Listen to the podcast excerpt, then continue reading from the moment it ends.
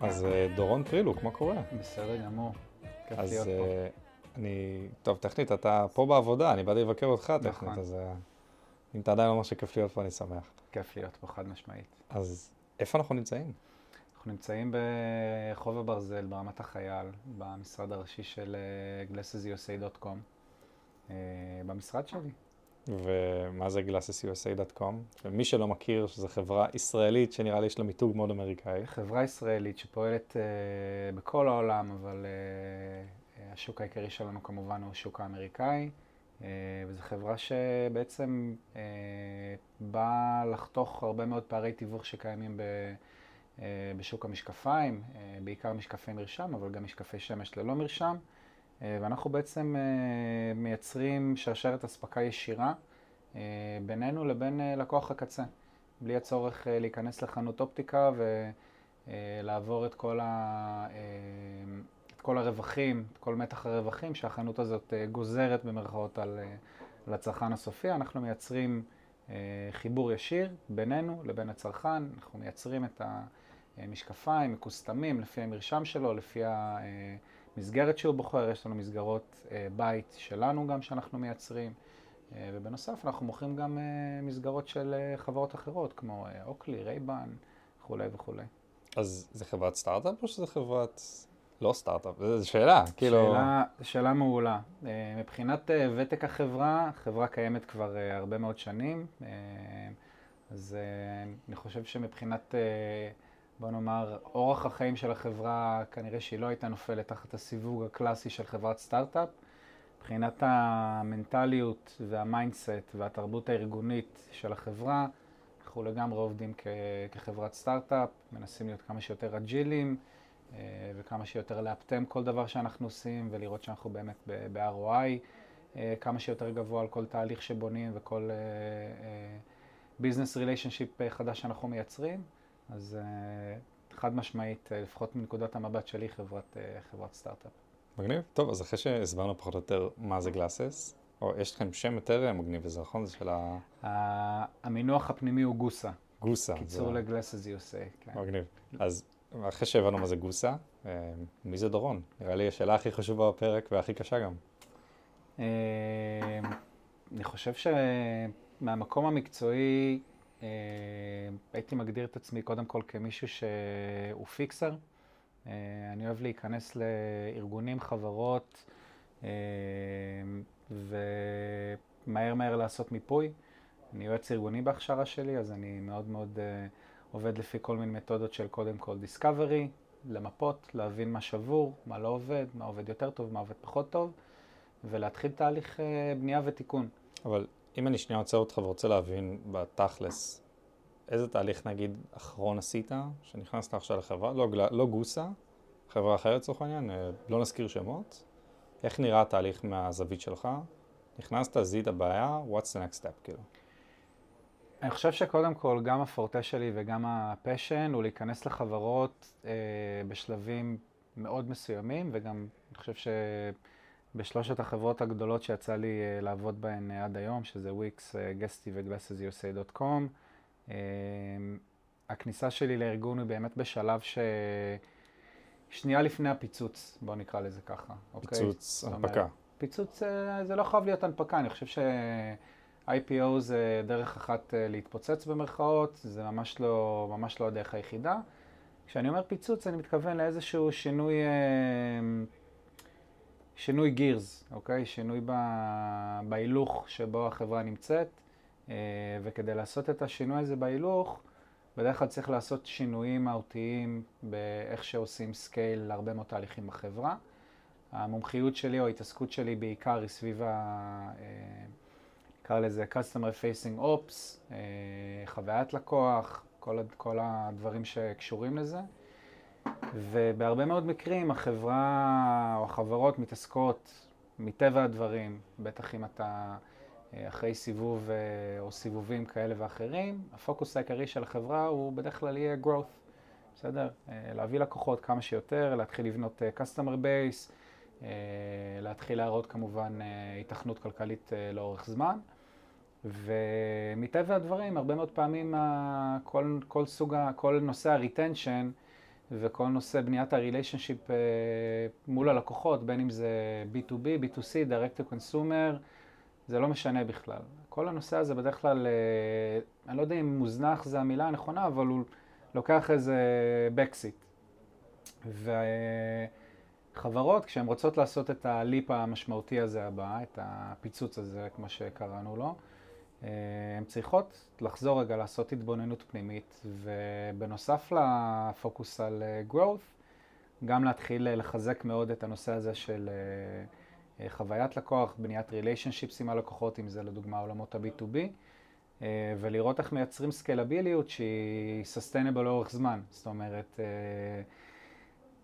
הליקי בקט, אני חושב שזה המטאפורה שהכי קל להבין, אם אנחנו מכניסים הרבה מאוד מים לתוך הדלי, אבל יש לו מלא חורים, שהחורים האלה זה בדרך כלל צ'רן, זאת אומרת, הרבה נטישה של לקוחות, אה, או לא מספיק אה, repeat purchase לדוגמה, בעולמות אה, תוכן של direct to consumer וכולי, אתה בבעיה. זאת אומרת, אתה נמצא באיזה vicious cycle כזה, שאתה מביא הרבה מאוד צמיחה, אבל אתה לא מחזיק אותה לאורך זמן. אז אם אני רוצה שנייה להסתכל על לא, לא יודע אם טעויות נפוצות זה המילה הנכונה, אבל כל מיני נורות אדומות, שעכשיו חברות שמאזינות לפרק, יכולות שנסתכל פנימית אצלם, שעכשיו דוגמאות שתיתן מה שאתה רואה בשוק, או שאתה רואה באמת בחברות שאתה נכנס אליהן, של דברים שצריכים לשים יותר לב, או דברים שלא שמים מספיק לב בהם יום. יש לך איזה כמה דברים שקופצים לך עכשיו לראש? כן. אה, אני חושב שקודם כל זה מתחיל ונגמר במדידה, אוקיי? זאת אומרת, אה, מבחינתי הדרך הכי טובה כשאני מייעץ לחברות או כשאני נפגש עם חברות uh, לאיזה אינטרו, השאלות הראשונות שאני אשאל uh, זה האם אתם מודדים בכלל את הדברים האלה. זאת אומרת, האם אתם מודדים retention עם איזה שהם uh, מטריקות? האם אתם יודעים uh, להגיד מה ה-LTV שאתם מכוונים uh, ללקוחות שלכם? איך אתם דואגים? זאת אומרת, מה הפעולות שנעשות בתוך הארגון מול, uh, uh, מול הלקוחות קצה כדי לוודא שאנחנו באמת uh, מייצרים איזשהו uh, מעגל שהוא לא רק uh, one time ולקוח עוזב, אלא משהו שהוא יותר סוסטיינבילי ומייצר משהו שמחזיק יותר לאורך זמן. אם אנחנו מקבלים תשובה כן, או חלק, או בערך, אז יש לנו איזו נקודה להתחיל לעבוד איתה. כמו שאמרתי, ברוב המקרים התשובה תהיה לא ממש. עד עכשיו התמקדנו בצמיחה, ב-growth. אה, ואז בעצם אה, תחילת העבודה היא, קודם כל בואו נעשה רגע סוג של אה, reset, בואו נבין מה אנחנו רוצים למדוד, איך אנחנו רוצים למדוד את זה, ומשם נתקדם ונקבל החלטות עסקיות של איך, איך מאפטמים את כל, ה, את כל הסיפור הזה. עכשיו, אמרנו תוך כדי השיחה הזאת הרבה מאוד ראשי תיבות או הרבה מאוד מילים mm. מפוצצות שרק כן. חשוב להבין. הדבר היחידי שאני נגיד לא הבנתי מה זה, זה LTV. LTV זה Lifetime Value. מה זה אומר בתכלס? Uh, הכי הכי פשוט זה כמה כסף הלקוח מייצר לי לאורך החיים שלו במרכאות עם החברה. אוקיי? זאת אומרת, במודל subscription זה המודל שהכי קל אה, לחבר אליו LTV. Uh, אם יש לי לדוגמה מישהו שקונה ממני uh, מנוי חצי שנתי או שנתי לאיזשהו מודל SaaSי, uh, כמה כסף הוא מכניס לי ואיך אני דואג שהמנוי הזה ימשיך לחמש שנים או לארבע שנים או לשלוש שנים כדי להגדיל את ה-lifetime value אה, שהלקוח הזה מייצר לי, וכמובן שאנחנו תמיד תמיד נרצה לייצר איזושהי השוואה, וזה גם מה שמשקיעים בדרך כלל ינסו להסתכל עליו, זה מה היחס שלי בין CAC, אה, או אה, Customer Acquisition Cost, זאת אומרת כמה כסף עולה לי להביא לקוח, לעומת ה-Lifetime Value, לעומת הכסף שהוא מביא לי לאורך ההתקשרות שלו עם, ה, עם החברה. ואם אני רוצה לתת את הדוגמה הכי טובה, מרגיש לי שזה נטפליקס. תקן לי אם אני טועה. נטפליקס זה דוגמה טובה למודל subscription. אבל עוד פעם, מודל ה-subscription, ואני מדבר על זה הרבה בקורס של הצלחת לקוח שאני, שאני מלמד, מודל ה-subscription היה משהו שפעם היה אולי רק נכון לעולמות ה-B2B, Salesforce מאוד מאוד ידועים בסוג של החברה הראשונה או אחת מהראשונות, או החברות שמיסדו את עולם ה-Customer Success או הצלחת הלקוח. אה, וממש פתחו צוות ייעודי בתוך החברה, אה, שכל מטרתו היא באמת אה, לייצר retention, כשהם זיהו בעצם, ששוב, ה-leaky bucket הזה קורה אצלם, מביאים הרבה לקוחות, לא מצליחים לשמור מספיק לקוחות, אבל כן, נטפליקס זה, זה דוגמה טובה. ואז נכנסים כל מיני דברים אחרים לתוך ה-LTV. איך אני יכול לעשות upsellים או cross-sellים כדי להגדיל בעצם את כל, ה, את כל הדבר הזה. ואני חושב שלדוגמה, נגיד מה שספוטיפיי עושים היום, שגם ספוטיפיי זה דוגמה טובה למודל subscription, עם כל מיני M&A שהם, שהחברה עושה בתקופה האחרונה, זה לנסות להיכנס מאוד חזק לעולם הפודקאסטים. מאוד חזק. מאוד מאוד חזק. המון המון רכישות, הם רכשו עכשיו בכמה ימים האחרונים חברה שמתעסקת באנליטיקות גם בתחום הזה.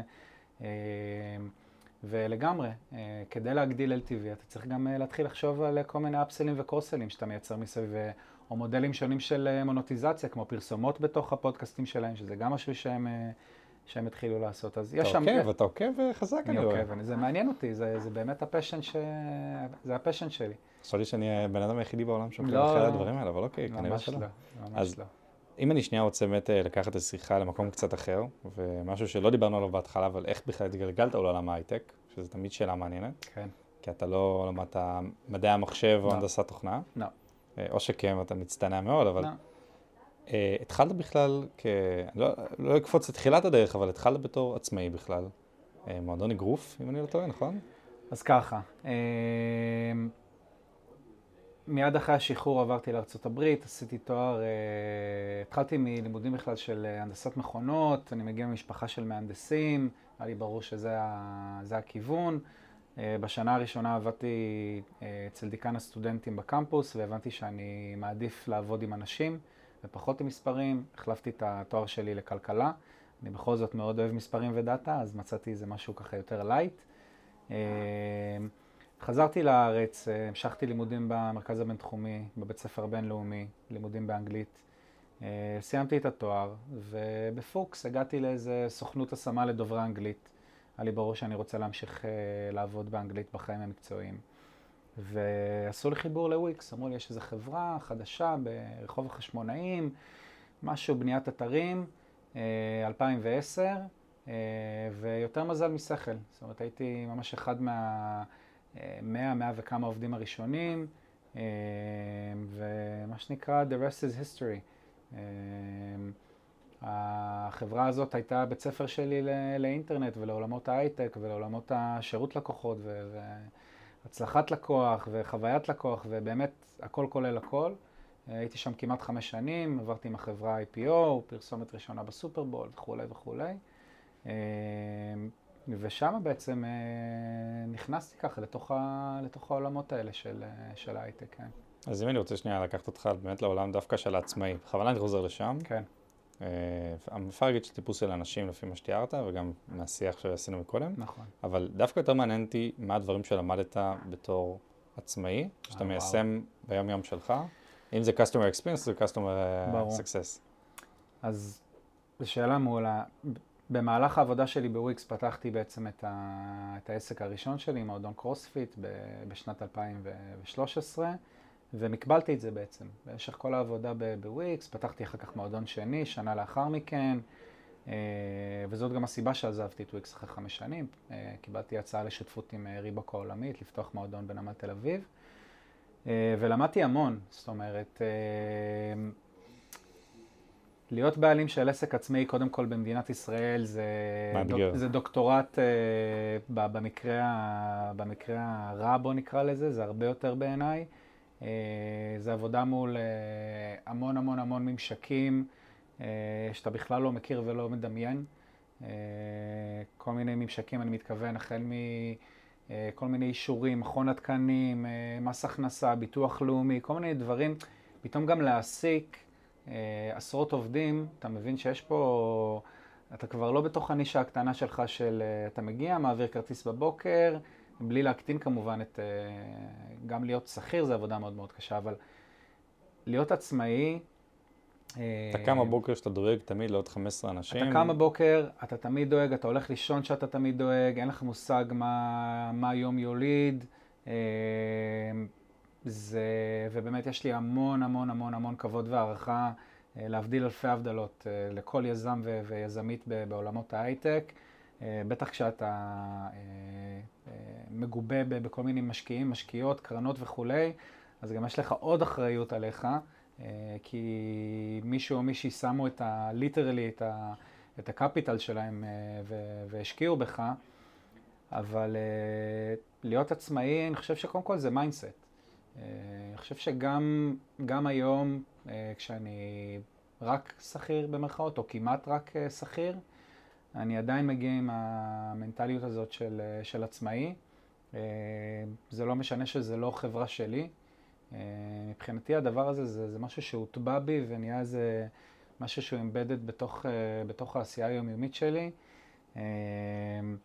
ודיברתי על זה באיזה פודקאסט אחר שעשיתי לא מזמן, אבל באמת יש לי איזה, איזה פחד שהוא ממש מוטמע נורא נורא עמוק בתוכי מבינוניות. זה משהו שנורא קשה לי איתו. יש לזה פלוסים, יש לזה גם הרבה מאוד מינוסים, כי זה מייצר המון המון המון המון לחץ, ואני בטוח שגם הצוותים שלי מרגישים את זה. אה, שוב, לטוב ולפחות טוב, נקרא לזה ככה, אה, אבל זאת הדרך היחידה שאני מכיר. אה, מאוד מאוד קשה לי לעשות משהו שהוא חצי כוח, וזה משהו שאני חושב שאתה לומד בתור עצמאי. כי אתה פשוט כל הזמן נמצא, אולי זה נשמע דרמטי מדי, אבל אתה במלחמת הישרדות תמידית, בטח בישראל. ואתה לא יכול להרשות לעצמך להיות uh, בינוני או לחפף משהו, כי אתה הולך לשלם את המחיר. אז זה משהו שככה... אני לא יודע אם הייתי ממליץ לכל אחד להתנסות uh, בלהיות עצמאי, אבל אין ספק שזה נותן לך סט כלים שאי אפשר לקבל בשום, בשום עבודה אחרת כשכיר. אז אם אני רוצה לחזור להיום, לגוסה, מה הדברים שאתה עושה ביום-יום, שתוכל לשתף גם טיפים באחרים, כאילו מה, מה, מה התובנות? וגם כל מיני דברים שאתה רואה שעשית במהלך הדרך, שעזרו לך, קידמו אותך, באמת אה, נתנו לך את הבוסט הזה בתחום שלך. אני חושב שאחד הדברים המאוד חשובים ב... בתחום שאני מתעסק בו, שזה תחום customer facing, תחום של uh, uh, הצלחת לקוח, חוויית לקוח, זה קודם כל להיכנס לנעליים של הלקוח שלך. מה, זה, מה זה אומר אבל בתכלס? זה יפה, אז כשאני מלמד אז אני נותן כל מיני דוגמאות פרקטיות. מה זה אומר? לדוגמה, אה, בחברה כמו glassesusa.com זה לעבור אה, את כל ה-customer journey. מה זה אומר customer journey? להיכנס לאתר שלנו, אה, להזמין הזמנה ולחוות את כל התהליך של מה קורה מהרגע שעשיתי הזמנה. ולנסות לתפוס שם את כל ה-friction points, אוקיי? מה עובד, מה לא עובד, מה קורה, איזה תקשורת פרואקטיבית יש מולי מהחברה, אה, האם היא מספיקה, מה אני יכול לשפר, אה, מה קורה כשדברים, אה, לדוגמה, עובדים פחות טוב, אוקיי? אם יש איזה עיכובים בשילוח, ואנחנו יודעים שיש עכשיו המון המון המון בעיות של שרשרת אספקה בעולם שלא קשורות בשום צורה רק ל-glassesusa.com, קשורות להרבה מאוד דברים אחרים ומשפיעות על כמעט כל חברה שמתעסקת בתחום הזה. אה, ובכל זאת, איך אנחנו עושים את המיטיגציה לדבר הזה? איך אנחנו ממשיכים לייצר חוויית לקוח אה, שהיא אקספשיונל, שהיא וואו, אה, וכמו שאמרתי, איך אנחנו מייצרים משהו שהוא לא one time, איך אנחנו בונים את ה-relationships האלה, וזה... המונח הזה של לבנות מערכת יחסים עם הלקוחות שלך, זה משהו ש... הוא סופר סופר סופר קריטי בעיניי, ואני באמת מאמין שזה ה-make or break של מותגים אה, מאז ומתמיד. זאת אומרת, אם אתה מצליח לבנות מערכת יחסים אה, שהיא memorable, שהלקוח או הלקוחה, אה, כשהם חושבים על האינטראקציה האחרונה עם החברה שלך, אה, אז עולה להם חיוך והם אומרים, ברור לי שפעם הבאה שאני צריך להזמין משקפיים, זה ה-go-to שלי, אז עשית את, אה, את העבודה שלך. אבל איך אתה עוצר את הוואו הזה? איך אתה, איך, מה, מה הסיקרט סוס לדבר הזה? כאילו, כולם רוצים להיות שם? אז, אז זו שאלה מעולה, עוד פעם. אה, קודם כל, כל מי ששומע ונמצא בתחום הזה, אם עוד לא קראתם את Delivering Happiness של ה-founder, former CEO המיתולוגי של זאפוס, לכו תקראו. אה, אבל אני חושב שאין איזה נוסחה שהיא... שהיא bulletproof, אוקיי? זה תמהיל מאוד מאוד מורכב של המון משתנים והרבה דברים שצריך לעשות גם עם stake uh, holderים uh, אחרים בחברה, מ-marketing ל-product, להמון המון המון המון uh, נקודות touch uh, pointים אחרים בחברה. Uh, ואם התמזל מזלך ועשית את כל הדברים האלה נכון, וכל הכוכבים uh, מסתדרים בשורה אחת, uh, אני מגזים כמובן, כן? אבל צריך הרבה מאוד דברים שיתיישבו כמו שצריך, וזה המון המון עבודה מתודית, וזה דורש המון המון סבלנות של לשבת ולנתח ולראות בדיוק איפה אנחנו מוצאים את הנקודות חיכוך ואיך מתקנים אותם אה, אחת אחרי השנייה. בסוף זה באמת פשוט המון המון המון המון דברים שמתלבשים לכדי יצירת הוואו הזה. הוואו הזה נשמע נורא פשוט, בסדר? הוואו הזה הוא לא רק לעשות איזה משהו אחד שהוא הופך להיות אחר כך סופר ויראלי, כמו אילון מאסק שהולך ו- ועושה טוויט uh, ללקוח שתייג אותו בטוויטר, זה סבבה, זה גם חשוב, uh, אבל ה- הנוסחה להצלחה בעיניי זה גרנט וורק וזה גריט וזה משהו שהוא יומיומי וסזיפי ודורש מעורבות של הרבה מאוד אנשים וזה דורש דרך אגב גם את היכולת אה, בתור אה, מנהיג או מנהיגה של ארגון כזה לראות שגם כל אחד מה, מהנציגים והנציגות שלך שהם מתקשרים ברמה יומיומית עם עשרות, מאות ואלפי לקוחות, מייצגים את ה-voice ואת ה, את ה-brand ואת מה שעומד מאחוריו בצורה הכי אמיתית ואותנטית שיכולה להיות. וזה מאוד קשה. אז אני בכוונה חוזר עוד פעם לאפקט של הוואו הזה. אני, אני לא מצפה עכשיו לאיזה טיפ שעכשיו אני אומר וואו, כאילו מישהו מחר יתקשר אליי אחרי הפרק, יגיד, תקשיב, שמעתי דורון אמר ככה וככה, נפל לי הלסת לרצפה, אבל כן איזה משהו שאתה רואה שאפשר לעשות את השינוי הקטן הזה, אם זה עכשיו לעשות מסע באמת לקוח אה, באתר או ב, mm. ב, אפילו בחברה עצמה, שבאמת אפשר להגיע למסקנה שוואלה, היינו צריכים לעשות את זה אחרת לגמרי. כאילו, לעשות את הפיבוט הזה ברעיון. אני חושב שאחד הדברים שאפשר לעשות זה קודם כל, ודרך אגב עשינו את זה עם הצוות שלי ב... כשהתחלתי פה, זה לזהות מה, מה ה-voice שלך, אוקיי? מה ה-voice, מה האותנטיות שאתה רוצה אה, שתעמוד מאחורי, ה... אה, מאחורי החברה, מאחורי התקשורת מול הלקוחות, אה, ושזה יהיה כוכב הצפון שלך, אוקיי? זאת אומרת, גם כשדברים משתבשים, גם כשדברים עובדים טוב, גם כשדברים עובדים בינוני, ה-vibe שהלקוחות אמורים לקבל לגבי מה זה glassesusa.com, ושוב, אני אומר, זה אתגר לא פשוט, בטח כשככל שה-scale הופך להיות גדול ומשמעותי יותר, וכמות האינטראקציות היומית והשעתית והחודשית הופכת להיות מאוד מאוד מאוד גדולה, אה, ויש הרבה מתודות לעשות את זה, של training וכולי, ו... אבל בסוף אם אתה מצליח לייצר חוויה אותנטית של מותג שאכפת לו מהלקוחות, שמנסה לבנות relationship עם הלקוחות, ולא רק מנסה לסגור אינטראקציה, ולא רק מנסה לסגור עסקה ולהתקדם לעסקה הבאה. אה, ושוב, זה שילוב של דברים רכים ודברים פחות רכים, אבל לייצר חוויית לקוח אותנטית כזאת, אה, של מותג שגם הופך להיות אותנטי, אה, וזה משהו שאני חושב שאנחנו עושים בצורה מאוד מאוד טובה. כמובן שיש לנו תמיד מקום להשתפר, אבל זה בעיניי המפתח האמיתי לייצר את הוואו הזה שאנחנו מנסים לדבר עליו. עכשיו, אפשר לקחת את השיחה מפה לשתי מקומות, תגיד לי מה אתה מעדיף. אפשר לדבר שנייה על למה כולם רוצים להיות חלק מקהילת האייפונים העולמית, זאת אומרת, מה חוויית הלקוח פה. הדבר השני זה בעצם טיפה לדבר על עולם הקהילות ואיך זה משתלב לתוך עולם החוויית אה, לקוח, חוויית משתמש. אז יש לך פה את את הבחירה. תחדד לי את האפשרות הראשונה. אה, למה עכשיו כולם רוצים לקנות אייפון? בצורה הכי פשוטה שיש. בוא נלך על האפשרות השנייה. יאללה, קדימה. אז בוא נדבר על עולם הקהילות. אוקיי. Okay. איך אתה רואה את זה שזה משתלב לך היום בעבודה, ומה השינוי שקורה היום בעולם uh, קהילות?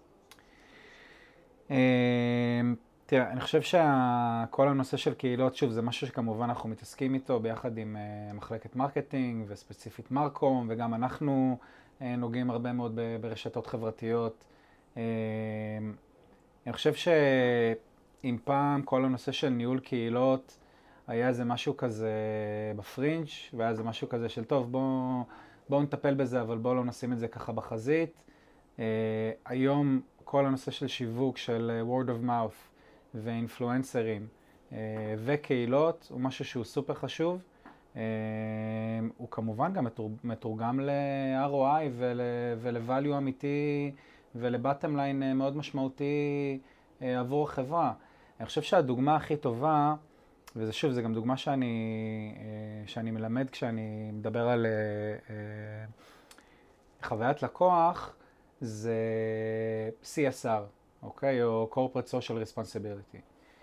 המון המון חברות, למונייד זו דוגמה ישראלית, ונייקי היום הולכים לכל מיני בניית קהילות מסביב לספורטאים וספורטאיות עם רקעים מגוונים מבחינת גזע ומבחינת מצב סוציו-אקונומי, ו-zero carbon emission, וכל הדברים האלה של חברות שמנסות לייצר uh, מה שנקרא double bottom line או triple bottom line, אוקיי? ה-bottom line הקלאסי זה כמובן ה-revenue. ה-double bottom line זה revenue ו-do good, אוקיי? ואז אתה בונה בעצם איזה קהילה. אני רואה שאתה לובש גם sweatshirt uh, של פטגוניה. מת עליהם. אז Let My People Go Surfing, גם ספר שסופר מומלץ לקרוא, של ה-founder uh, האיקוני של פטגוניה, ופטגוניה אחת החברות הראשונות, ועד היום גם בעיניי בחזית של ההובלה הזאת של דאבל בטם ליין, והם באמת מאוד מאוד מאוד נאמנים ל-core value הזה. זה בעיניי דוגמה אחת לאיך אנחנו בונים קהילה מסביב למותג שלנו, אה, וקהילה שבנויה מסביב לערכים ובנויה לדברים אחרים, וגם יודעת לדלוור לנו את ה-bottom line אה, שחשוב, כי אנחנו בסוף חברה למטרות רווח, אה, אבל זה עובד. זאת אומרת, אנחנו רואים שבאמת יש פה, ודרך אגב, ה-triple bottom line זה bottom line של revenue לחברה, ה-second bottom line זה do good, give back to society וכל הדברים האלה. וה-bottom line האחרון זה שגם הלקוח מרגיש אה, שהוא, אה, שהוא ניצח, שיש לו איזה win. אוקיי? אנחנו כולנו בסוף רוצים להיות חלק ממשהו, זה משהו שהוא מוטבע בנו בהוויה שלנו כבני אדם וכיצור חברתי, וכולנו משתוקקים להיות חלק מקהילה. בסדר? חברות כמו נייקי, אדידס וכולי, שמייצרות קהילת רצים אה, בכל מיני אה, ערים בעולם, זה גם דוגמה מאוד טובה לאיך בונים קהילה. ותוך כדי גם מייצרים, אה, אתה יודע, את ה-bottom line החשוב הזה, שזה אה, להגדיל את, ה, את הרווחים של החברה. אז אני חושב שהנושא של קהילות הוא לא בחיתולים, הוא עבר אקסלרציה מאוד משמעותית בכמה שנים האחרונות, ואין לי ספק שהוא ימשיך להיות באמת חלק מאוד משמעותי מהאסטרטגיה העסקית של חברות. מדהים. דורון, אנחנו מגיעים לקראת סוף הפרק. עכשיו, מאוד רציתי כאן לדבר על כל נושא של מטריקות, ואמרת שאתה טיפוס של דאטה, ואני גם מאוד אוהב נכון. דאטה. אז אני כן אבקש פה בקשה, אני מתקיל אותך כמו שהתקלתי את מוריאל. הכל טוב. שאני אשמח שתוכל להכין איזשהו מסמך שמסדר מטריקות ידועות ששווה לדעת, שווה להכיר, אפילו template, איך נכון להשתמש לחברות. בשמחה. אני אצרף את זה לפרק וכל מי שמאזין יוכל לראות. ואני אשמח לסיים איזשהו טיפ לכל מי שמאזין, אה, בכל נושא שאתה רוצה, זה הבמה שלך. אה, אני חושב שהטיפ אם אני מנתק ככה מכל הנושאים ומכל זה, זה טיפ ככה מאוד מאוד כללי ש... בוא נאמר, למדתי על בשרי, ואני ממליץ ואני מנסה גם אה, ליישם אותו אה, היום, למרות שזה נהיה יותר ויותר קשה ככל שאתה מתבגר, וכמות האחריות ונקרא לזה liability שיושב עליך גדל, זה to take the leap, אוקיי? Okay? זה, זה, זה, saying מפורסם כזה שאנחנו בדרך כלל לא מתחרטים על דברים שעשינו, אנחנו בדרך כלל מתחרטים על דברים שלא עשינו ברטרוספקט. Uh, עשיתי הרבה מאוד טעויות, uh, עשיתי הרבה מאוד החלטות עסקיות שאם הייתי חוזר אחורה עכשיו כנראה שהייתי עושה אותן אולי טיפה אחרת, או לגמרי אחרת, או לא עושה אותן, אבל אני לא מתחרט על אף אחת מההחלטות שעשיתי.